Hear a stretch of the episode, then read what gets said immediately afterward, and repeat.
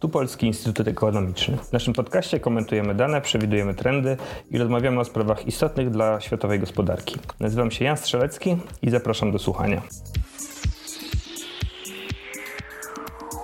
W dzisiejszym odcinku gościem jest Kamil Caus, analityk Ośrodka Studiów Wschodnich zajmujących się Mołdawią i Rumunią. Porozmawiamy dziś o tym, jak Mołdawia i Rumunia właśnie odczuwają skutki rosyjskiej agresji na Ukrainę, o uchodźcach, sytuacji w separatystycznym Naddniestrzu i konsekwencjach dla stosunków tych państw z Rosją. Cześć Kamilu. Cześć. Według danych ONZ-u e, do Mołdawii przed brutalną rosyjską agresją uciekło niemal 350 tysięcy osób, e, do Rumunii więcej 470 tysięcy, ale Mołdawia to państwo, które liczy w tej chwili 2,5 miliona mieszkańców mniej więcej.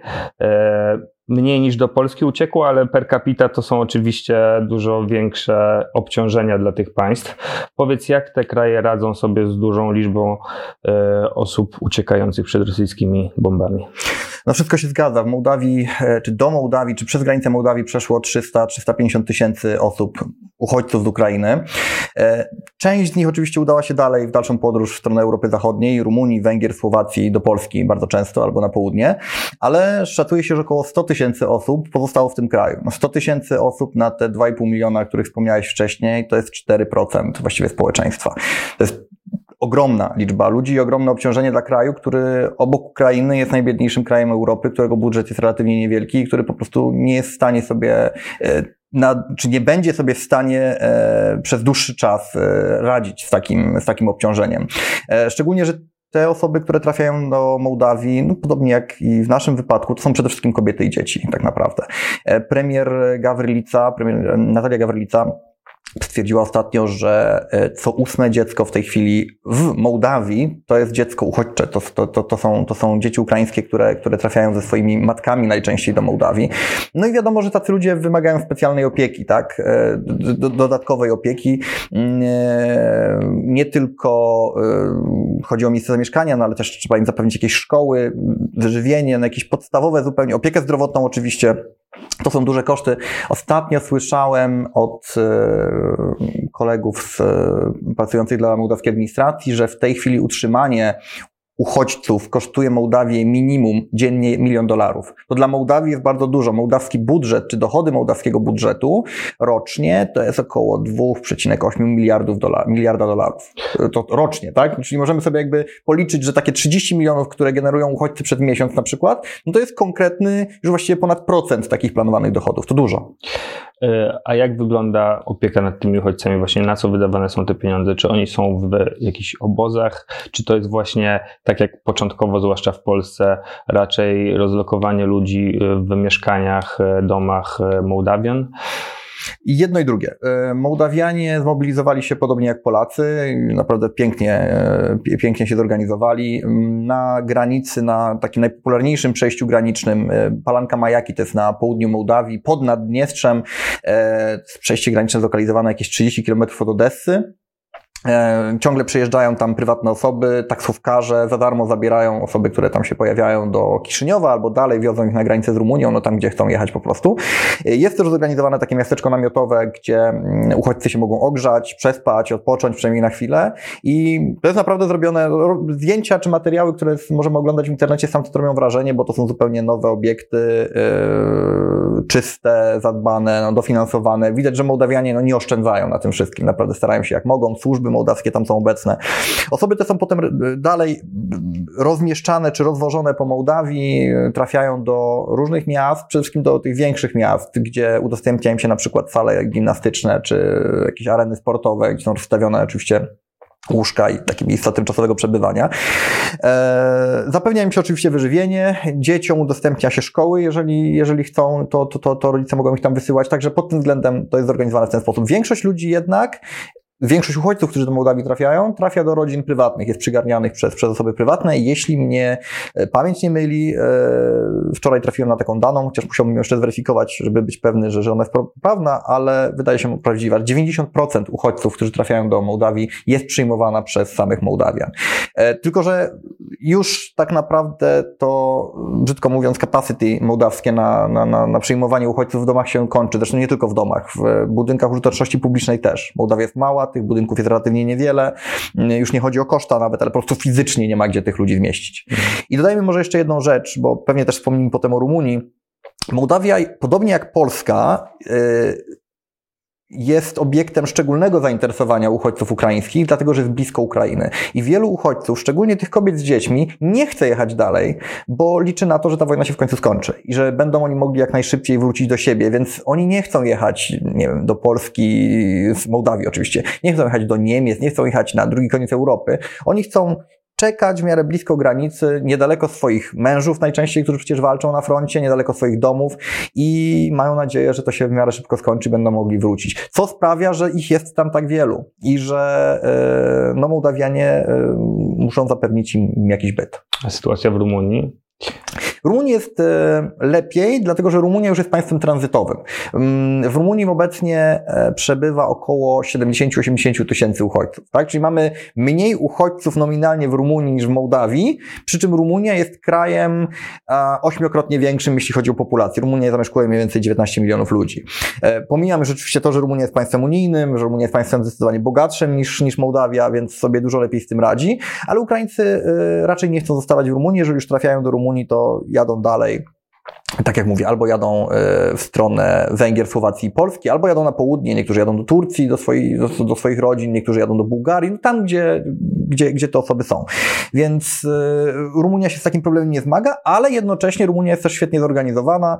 Y, Rumuni, y, chyba ku własnemu zaskoczeniu, postanowili tak wolontarystycznie zupełnie pomagać uchodźcom ukraińskim. Mówię, że ku własnemu zaskoczeniu, dlatego że Ukraina i Rumunia nigdy nie były sobie bliskie i społeczeństwa nigdy nie były sobie bliskie. Rumuni zawsze uważali Ukraińców za um, no, naród, y, z którym oni nie mają żadnych związków. Słowiański, mówiąc innym językiem, w ogóle jakiś taki trochę podejrzany, bo tak długo był w ramach Rosji, czy Związku Radzieckiego, czy wcześniej Imperium Rosyjskiego. Rumuni do 2014 roku dość masowo uważali Ukraińców po prostu za innych Rosjan. Plus otwarcie kłócono się o kwestię mniejszości. Oj, o kwestię mniejszości, o kwestię e, szelfu, no Wyspę Wężową zresztą, Wyspę Wężową, która stała się ostatnimi czasy sławna z zupełnie innych przyczyn, tak? Tam też mm, trwała kłótnia co do tego, komu ona powinna przy, przynależeć, czy Ukrainie, czy Rumunia. Jeżeli już nawet y, Ukrainie, to jak powinien być liczony szelf czarnomorski, na którym są bogactwa naturalne w postaci węglowodorów.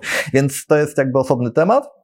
I jeszcze mnóstwo innych drobniejszych powodów, które sprawiały, że te, te, te chociażby pretensji terytorialnych, tak? Znaczy, takich może nie głęboko czy oficjalnie wyrażanych, no ale Czerniowce przed wojną należały do Rumunii i Bukowina e, generalnie należała do Rumunii, więc, więc tam się też pojawiał ten wątek. Plus to tak to, że Rumunii, przepraszam, Ukraińcy nie uznają mołdawskiej mniejszości w, u siebie za mniejszość rumuńską, co zawsze wzbudza e, bardzo stanowczy sprzeciw Bukaresztu, ale są osobne tematy. Generalnie, mimo tych wszystkich różnic, Rumunii naprawdę masowo postanowili pomóc e, Ukraińcom i obserwowaliśmy to samo co u nas, tak? Znów, przyjeżdżających na granicę ludzi z jedzeniem, z jakimiś rzeczami, wożący, przywożący tych, tych Ukraińców e, do swoich domów. E, to wszystko się działo. Jest grupa Unitat, y, Unitet Pentru Moldowa, czyli, przepraszam, Pentru Ukraina, czyli Zjednoczeni dla Ukrainy, e, która skupia e, wszystkie osoby, które są zainteresowane pomocą Ukraińcom e, i która jest taką giełdą ofert też tak naprawdę. I ona w tym momencie liczy sobie ponad 250 tysięcy osób. To jest dużo. Chciałbym się zapytać o Naddniestrze, zmienić trochę temat, czyli separatystyczną część Mołdawii kontrolowaną przez Kreml czy E, powiedzmy swoisty protektorat e, Moskwy e, w ramach Mołdawii, która do tej pory taktyka Moskwy wobec Naddniestrza była mniej więcej taka jak wobec Donieckiej i Ługańskiej Republik Ludowych. To znaczy Rosja starała się wkleić Naddniestrze na swoich zasadach w ustrój Republiki Mołdawii, żeby uzyskać przez to wpływ na mołdawską politykę wewnętrzną i zagraniczną przede wszystkim. No i jak widzimy na naszych oczach zmieniła się taktyka wobec, wobec Donbasu, to znaczy Moskwa przystąpiła do pełnoskalowej agresji zbrojnej i te kwestie wklejenia Donbasu w, do Ukrainy w ramach w, w państwowość ukraińską zeszły na drugi plan. Czy są jakieś sygnały, że zmienia się też coś, jeżeli chodzi o taktykę wobec Naddniestrza? E, bo poza tym, że Naddniestrze po raz kolejny zwróciło się z prośbą o uznanie swojej niepodległości, która nie została przez Rosję e, w żaden sposób zaadresowana, to czy są jakieś inne sygnały świadczące o tym, że może Kreml próbuje coś w kwestii Naddniestrza mm, działać bardziej ofensywnie? Na razie nie ma takich sygnałów. Na razie nie dzieje się nic, kompletnie nic. Znaczy właściwie Rosja w żaden sposób się nie skupiona jest na Ukrainie, w żaden sposób nie odnosi się do sytuacji w Naddniestrzu. E, zresztą póki co nie za bardzo jest też po co się do niej odnosić, no bo nic szczególnego się tam nie dzieje. E, samo Naddniestrze, i to jest interesujące, też stara się e, nie prowokować żadnej ze stron. Nie komentuje obecnie trwającej wojny, e, no nie nazywa ją wojną, ale też za dużo w ogóle o niej nie mówi. Takie charakterystyczne jest to, że jeśli byśmy spojrzeli na media naddniestrzańskie, czy chociażby na kanał Telegramu e, Wadima Krasnosielskiego, czyli w cudzysłowie prezydenta Naddniestrza, to 24 lutego, kiedy zaczęła się e, rosyjska inwazja, w pewnym momencie wrzucił tweet, a, przepraszam, tweet, post, czy, czy wiadomość o tym, o sukcesach szeryfa Tyra w pol, w, na, na polu piłki nożnej. Pamiętam, że dość długo czekałem na jakikolwiek komentarz. On się w końcu pojawił oczywiście, ale był taki myślę, na zasadzie, że nie, no, wojna jest zawsze zła, pokój, yy, kochajmy się i, i tak dalej. Plus Naddniestrze zajęło, e, postanowiło od razu wystąpić w roli takiego e, no, no, promotora pokoju i zaczęło przyjmować uchodźców ukraińskich. E, bardzo mocno podkreślano to we wszystkich mediach oraz na poziomie politycznym, że Naddniestrze przygotowuje miejsca dla uchodźców, że, że pensjonaty czy mm, senatoria które rzeczywiście są, istnieją jeszcze postsowieckie na, na, na północy Naddniestrza, są gotowe na przyjęcie uchodźców. E, to się dość szybko skończyło, dlatego że Ukraina już chyba drugiego dnia wojny zamknęła granicę z Naddniestrzem, e, więc ci uchodźcy, którzy przejeżdżali z Ukrainy przez Naddniestrze, no, zaczęli wybrać inne przejścia graniczne. Mimo to Naddniestrze twierdzi wczoraj, jeśli nie pamiętam, myli, to sprawdzałem, e, czy, czy mniej więcej 15 marca, że 18 tysięcy osób z Ukrainy przyjechało i zameldowało się w Naddniestrzu, z czego tam niecały tysiąc tak naprawdę e, zamieszkuje w tych, tych, tych obiektach, które są specjalnie przeznaczone dla uchodźców.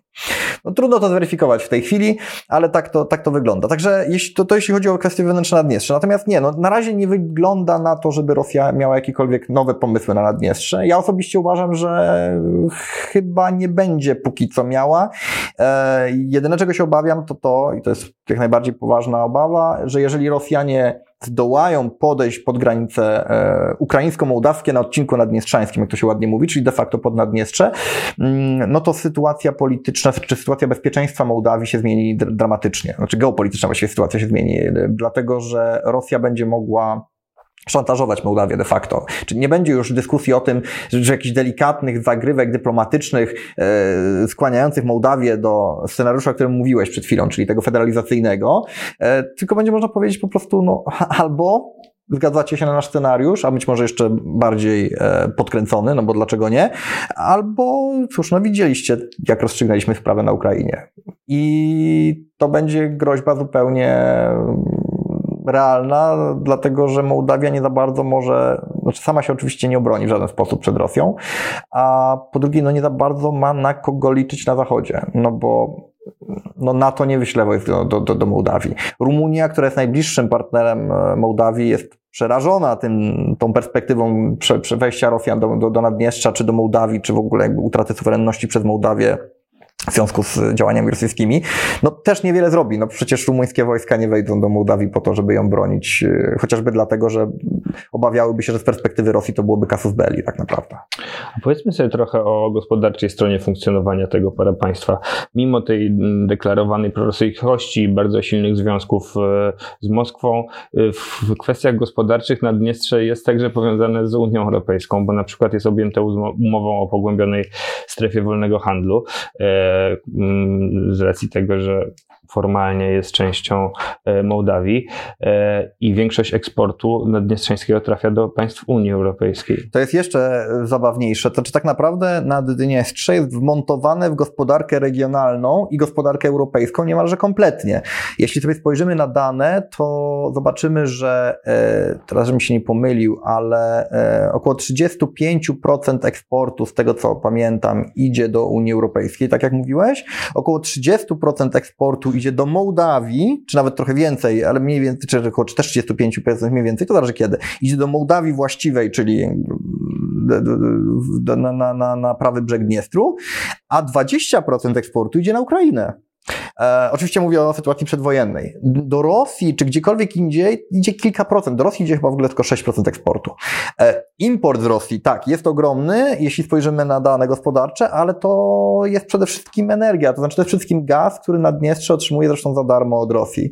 E, no i on jest tam wliczany formalnie w ten import, co pozwala potem władzom naddniestrzańskim na takie ładne pokazywanie, że proszę, Rosja jest naszym głównym partnerem gospodarczym. No bo rzeczywiście jest, jeżeli połączymy, jeżeli pokazujemy dane na temat wymiany handlowej, czyli łączymy import z eksportem, to faktycznie Rosja jest tam bardzo wysoko, ale jeżeli spojrzymy na to, na kim Naddniestrze zarabia, to ono nie zarabia w żaden sposób na Rosji. Ono zarabia tylko i wyłącznie na współpracy z Unią Europejską, na wolnym handlu, o którym mówiłeś, na świetnej współpracy z Mołdawią i sprzedażą do, do Mołdawii i na współpracy z Ukrainą. Bez tego Naddniestrze by sobie nie poradziło, nawet mimo tego darmowego gazu, jakiegoś tam już w tym momencie bardzo ograniczonego wsparcia finansowego od Rosji. A wsparcie finansowe kiedyś zdaje się znaczące, jeżeli chodzi o kwestie zasiłków, emerytur, e, tych wydatków socjalnych do budżetu Naddniestrza wpływa w jakimś, w jakim zakresie wpływa z, z Rosji właśnie? Ono dalej jest.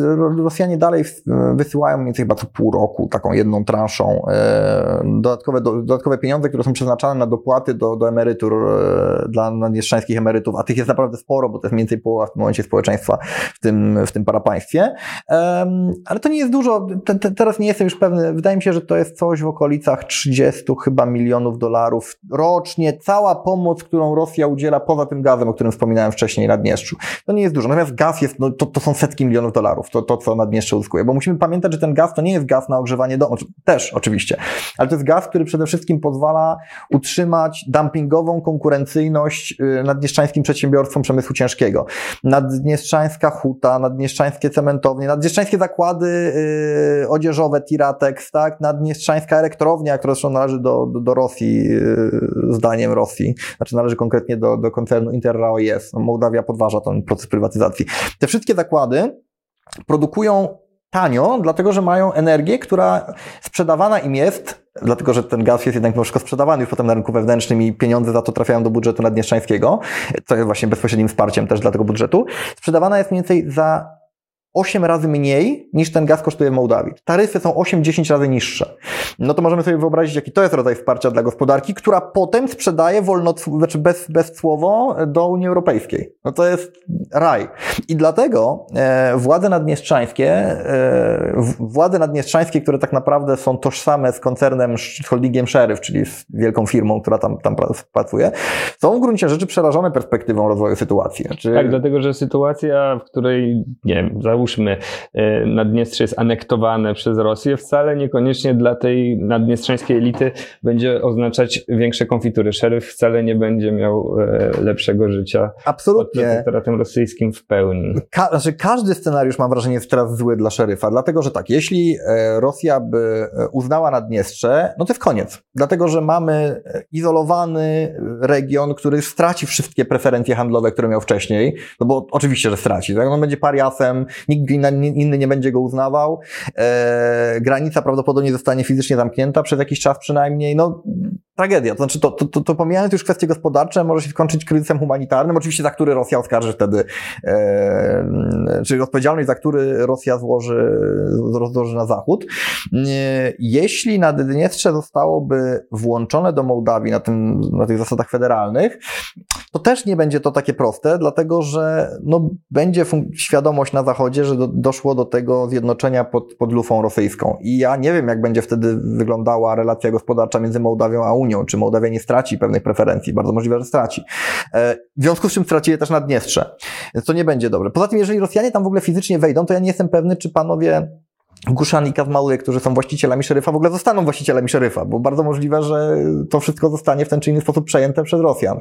Więc ja jestem święcie przekonany, zresztą takie sygnały do mnie też dopływają, czy do moich kolegów mołdawskich analityków i polityków, że e, elity naddnieszczańskie bardzo z dużym, z dużym niepokojem przyglądają się rozwojowi sytuacji. A przy okazji, taka ciekawostka. 4 e, marca chyba mm, zaczęły się pojawiać na, telegram, na kanałach Telegramu naddnieszczańskich wezwania do marszu czy takiego meetingu popierającego Rosję i działania rosyjskie na Ukrainie. I te działania, znaczy te, te, tweety, czy te, te, wiadomości, przepraszam, na Telegramie, zostały bardzo szybko skomentowane przez władze nadmieszczańskie jako prowokacja. I władze nadmieszczańskie, tak zwane MSW nadmieszczańskie, wzywało mieszkańców regionu, żeby się nie poddawali prowokacji, że nie szli na żadne demonstracje prorosyjskie. E, dlatego, że jednak, e, po pierwsze, pewnie te władze były zdziwione, bo to nie one to organizowały. Co to za demonstracja spontaniczna, której nie organizują władze? To jest niebezpieczne, nawet jeżeli ma być demonstracją za Rosją. Tak, a poza tym po co? To znaczy, Naddnieszczanie mają mimo wszystko nadzieję, mam na myśli teraz i społeczeństwo w zasadzie, i, i, i władze, że być może to się jakoś skończy, może się, może się skończy tak, że nic się nie zmieni. No może Rosjanie, może się Rosji nie powieść, tak? Może Rosja nie podejdzie pod te granice, może się zadowolić tylko Ukrainą i w związku z tym nie ma sensu niepotrzebnie antagonizować Ukraińców, z którymi przecież się handluje, z którymi się robi biznesy. Tym, tym bardziej nie ma sensu antagonizować Unii Europejskiej czy, czy, czy, czy, czy Kiszyniowa, lepiej spokojnie czekać na rozwój wypadków, zobaczyć co będzie. No jeśli będzie, jeśli dojdzie do czarnego scenariusza, no to dojdzie. Ale jeżeli uda się to jakoś przetrwać, no to po co sobie robić wrogów, zarówno może nie w Kijowie, ale w Odessie, bo to jest ważny obwód dla, dla Naddniestrza, a z drugiej strony w Kiszyniowie czy, czy w Brukseli, która jednak mimo wszystko pozwala na bardzo wiele teraz polowisk, zwłaszcza w kwestiach gospodarczych. Nawet nie zakładając tego najgorszego scenariusza, chciałem zapytać o to, jak widzisz e, perspektywę najbliższych miesięcy dla Mołdawii, nawet zakładając, że rosyjska e, agresja e, czy inwazja na Ukrainę ulegnie przerwaniu. Dlatego, że perspektywa kryzysu, pogłębienia kryzysu gospodarczego Mołdawii wydaje się bardzo realna. Tam jest gigantyczna inflacja, duże uzależnienie od importu z Ukrainy, 10%, może nie takie wielkie, ale mimo wszystko bliskość Ukrainy, która z pewnością pogrąży się w kryzysie i e, potencjalne problemy z kwestiami bezpieczeństwa żywnościowego, energetycznego także, ze względu na e, trwający konflikt z Gazpromem, mogą wpłynąć na, na, na, na, sytuację w kraju nie tylko gospodarczą, ale i polityczną. Przypomnijmy, że tam od półtora roku pełnię władzy ma frakcja proeuropejska. No od pół roku. Od półtora roku mamy, od 2020 mamy prezydent Sandu, a od y, sierpnia e, ubiegłego roku mamy rząd, który ma większość, tak, związany z panią prezydent. Tak, no więc jak to, jak to w, wpłynie na, na pozycję tej frakcji proeuropejskiej, na, na, na, na poparcie dla Mai która mm, powiedzmy jeszcze to, dodajmy, że próbuje wykorzystać ten moment europejskiego wsparcia dla Ukrainy, żeby też e, jakoś e, zbliżyć Mołdawię do Unii Europejskiej, składając wniosek e, o członkostwo. Tak, tak, tak, wszystko się zgadza. E, rzeczywiście Mołdawia stoi przed, Mołdawia, która jest w ciągłym kryzysie gospodarczym w zasadzie, no to jest specyfika gospodarki mołdawskiej, która jest bardzo wrażliwa na różne wstrząsy, e, stoi przed e, kolejnymi falami tego kryzysu. Dość wspomnieć, że od y, listopada, października właściwie ubiegłego roku Mołdawia się zmaga z kryzysem gazowym cały czas. Tak? Wygasł stary kontrakt z Gazpromem. Gazprom wywierał bardzo dużą presję na Mołdawię w celu podpisania kontraktu, w którym oprócz ekonomicznych, y, czy czysto gospodarczych zapisów, czy czysto biznesowych, komercyjnych zapisów byłyby też zapisy polityczne, na co się Mołdawia nie chciała zgodzić. Ostatecznie udało się ten kontrakt podpisać i w od listopada on działa działa, ale Kontrakt ten zawiera bardzo wiele, jak mówią Rosjanie, podwodnych kamieni, e, na których Mołdawia się może rozbić. Mołdawia jest zobowiązana między innymi w ramach tego kontraktu e, do przeprowadzenia audytu długu, który, jak twierdzą Rosjanie, operator gazowy mołdawski, czyli spółka Moldowa Gaz, ma przed Gazpromem. Rosjanie twierdzą, że Moldowa Gaz historycznie jest winna Gazpromowi 700 milionów dolarów. I to jest dług samej Mołdawii, dlatego że Państwo możecie kojarzyć coś takiego jak dług naddniestrzański gazowy, który wynika z tego, że Naddniestrze dostaje ten darmowy gaz, o którym wspominaliśmy wcześniej, ale ten, ten, ten darmowy gaz jest darmowy tylko dla Naddniestrza, natomiast formalnie obciąża rachunek mołdawski. To nie o to chodzi. Chodzi o dług, który rzeczywiście mógł zostać wygenerowany przez Moldowa Gaz jeszcze kilka lat temu. Mm, Mołdawianie nie są co, pewni co do tej sumy. Rosjanie twierdzą, że to jest 700 milionów dolarów i chcą, żeby y, przeprowadzono audyt, który by to potwierdził. Audyt ten ma być we, w ramach, znaczy według tego kontraktu z Gazpromem zrealizowany do końca kwietnia e, i już wiadomo, że to się nie uda. Znaczy, to jest właściwie pewne, że to się nie uda. Dopiero niedawno została wybrana e, jedna organizacja, która ten audyt prowadzi, firma prywatna, która ma być jakby równoległą nóżką, e, która będzie to robiła, jeszcze nawet nie została wybrana, mamy połowę marca. Więc jasne, że to się nie uda.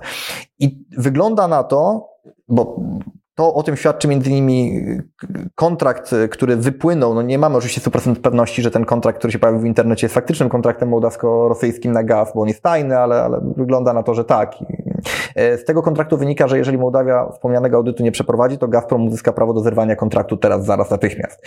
Więc może być tak, że od maja Mołdawia będzie miała problem z dostawami gazu.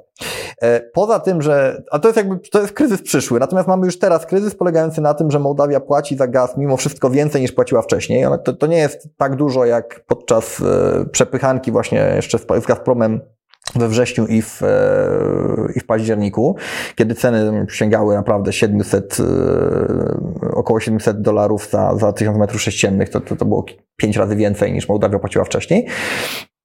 E, ale mimo to płaci więcej i, co ważne, płaci trochę inaczej niż płaciła do tej pory, dlatego że Gazprom egzekwuje teraz od Mołdawii opłatę rachunków awansem. Innymi słowy, Mołdawia musi zapłacić za dany miesiąc konsumpcji nie po tym miesiącu, tylko w połowie tego miesiąca. Do 20 każdego miesiąca Mołdawia musi uregulować prognozę zużycia gazu, co sprawia, że Moldowa Gaz, czyli operator gazowy, o którym wspominałem wcześniej, no, musi skądś wziąć pieniądze, których jeszcze fizycznie nie ma, tak? bo jeszcze jej firmy i ludzie, którzy konsumują gaz nie zapłacili, a ona musi uregulować te dziesiątki milionów dolarów zadłużenia.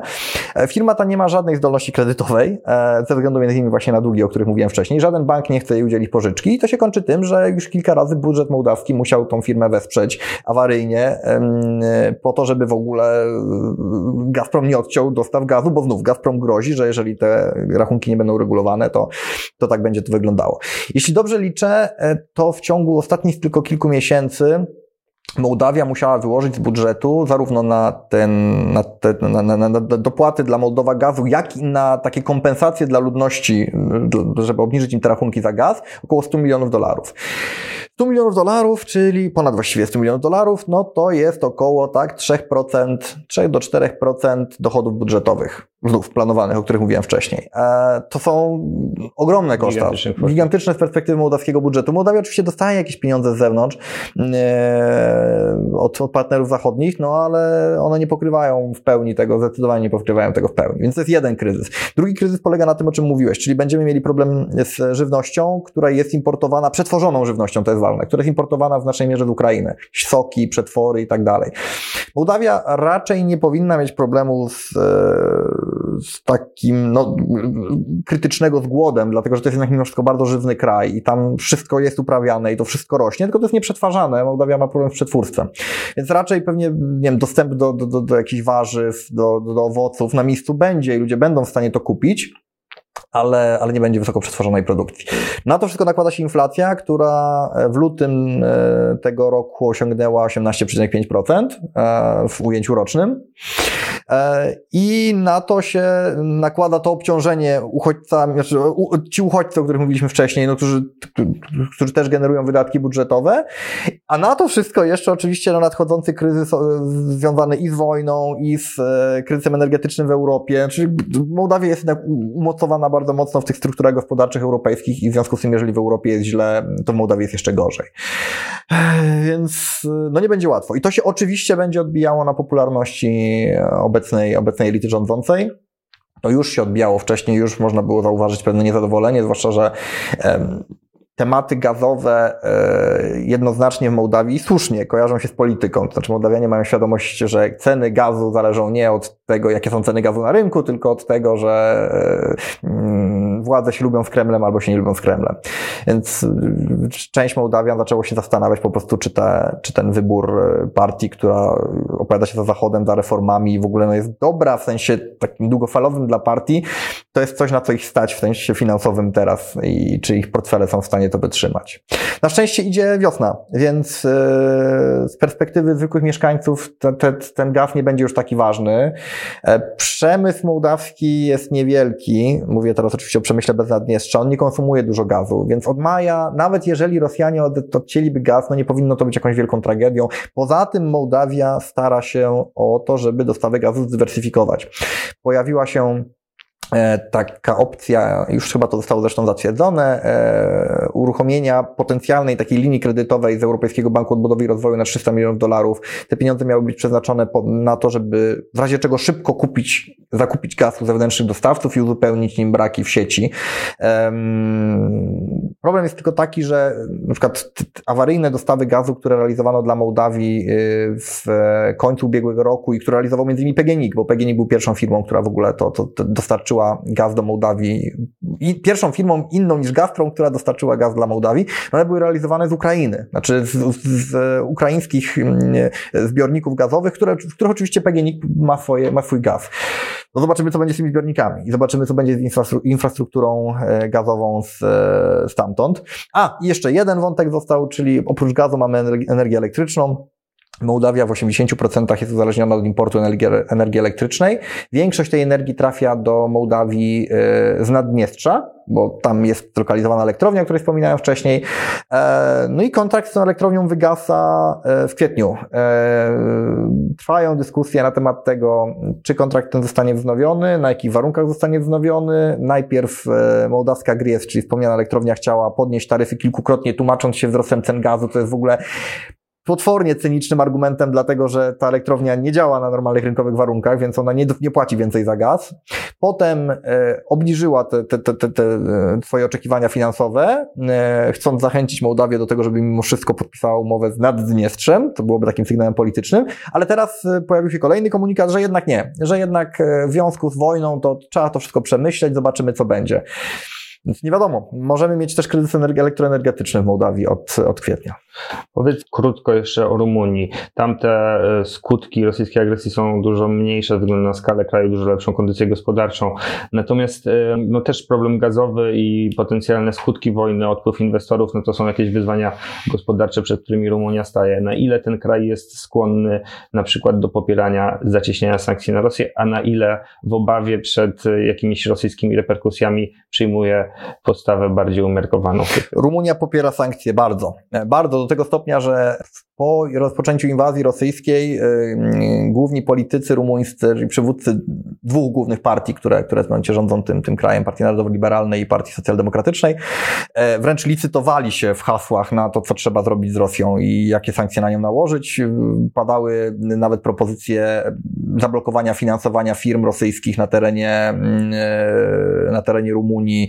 E, najpierw mowa była o finansowaniu z budżetu, czyli na przykład tak dostęp do jakichś przetargów i tak dalej. Potem w ogóle trzeba się przyjrzeć wszystkim biznesom rosyjskim w Rumunii. Rumunia nie jest szczególnie uzależniona od, od Rosji. Rumunia importuje część gazu rzeczywiście z Rosji, ale robi to głównie dlatego, że yy, czy robiła to głównie dlatego, że to się bardziej opłacało. Znaczy gaz rosyjski był tańszy niż gaz rumuński. Przypomnijmy, że Rumunia sama wydobywa gaz i jest jednym z dużych producentów europejskich gazu. Więc to uzależnienie rumuńskie od rosyjskiego, uzależnienie. Import e, sięgał, nie wiem, od 5 do 20% konsumpcji krajowej. W zależności od tego akurat, e, jaka była sytuacja e, cenowa i, i to, to Rumuni tak traktowali. Więc Rumuni są absolutnie za tym, żeby ograniczyć, e, żeby nakładać sankcje na Rosję, żeby ograniczać uzależnienie e, surowcowe od Rosji. Ostatnio nawet pojawiły się pomysły, e, żeby, e, rozumiem, to przyjęto w Rumunii, w Bukareszcie z pewnym, pewną radością we władach, że skoro mamy tą wojnę i sytuacja jest jaka jest, to może, można można się wstrzymać na razie zielonym ładem i na przykład odpalić znowu kopalnię węgla. E, Rumunia też była potęgą węglową przez wiele lat, zresztą 20, e, chyba 20, około 20% energii elektrycznej w tym kraju wytwarza się z węgla.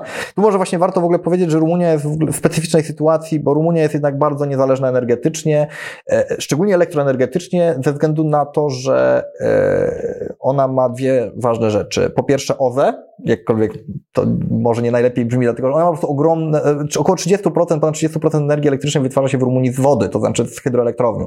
Taka ogromna elektrownia, między innymi Żelazne Wrota, wytwarza wielkiej ilości energii. E, poza tym Rumunia posiada elektrownię jądrową e, w miejscowości Czarna Woda, która znów tak, dorzuca około 20 kolejnych procent. E, coraz więcej energii pochodzi z fotowoltaiki, bo Rumunia ma świetne warunki na rozwój fotowoltaiki, więc Rumunia się nie martwi tym, że zerwanie więzów z Rosją będzie ją kosztowało niezależność energetyczną, czy, czy uderzy w ten kraj. Inne są problemy, które, na które się teraz zwraca uwagę i to jest na przykład przemysł motoryzacyjny, w Rumunii działają zakłady Renault. No, Dacia jest częścią koncernu Renault. E, Renault, który się przecież nie wycofał z Rosji, e, o ile mi wiadomo do tej pory. I, Chyba do tej pory nie. Tak. I po, znaczy to, że się nie wycofał z Rosji, jakby, znaczy nie, nie jest problemem w sensu stricte, tylko problemem jest dla, dla Rumunii. Problemem jest to, że e, łańcuchy dostaw się no, przerwały, część tych zakładów ograniczyła produkcję, więc części z Rosji czy z Ukrainy, które gdzieś tam były produkowane, no nie trafiają teraz do Rumunii, co zmusza zakłady Renault do przestojów, e, czy zakłady Daci. I to jest coś, na co się zwraca uwagę. Mówi się też o sektorze meblowym. No, kilka sektorów oczywiście oberwie, e, ale to będzie dotykało też innych krajów w regionie. No, wszystkie te kraje, które w jakiś sposób miały relacje handlowe, czy, czy, czy, czy tą sieć produkcyjną e, rozproszoną w taki sposób, że coś znajdowało się też w Rosji czy na Ukrainie, no, no, no będzie musiało cierpieć z, z tego powodu. Ale na przykład lej rumuński się bardzo dobrze trzyma, w przeciwieństwie do walut Europy Środkowej. Bardzo silnie interweniuje Rumuński Bank Centralny w tej sprawie. Tak. Bardzo dziękuję. Gościem dzisiejszego odcinka podcastu Polskiego Instytutu Ekonomicznego był Kamil Całus z Ośrodka Studiów Wschodnich. Dzięki serdecznie.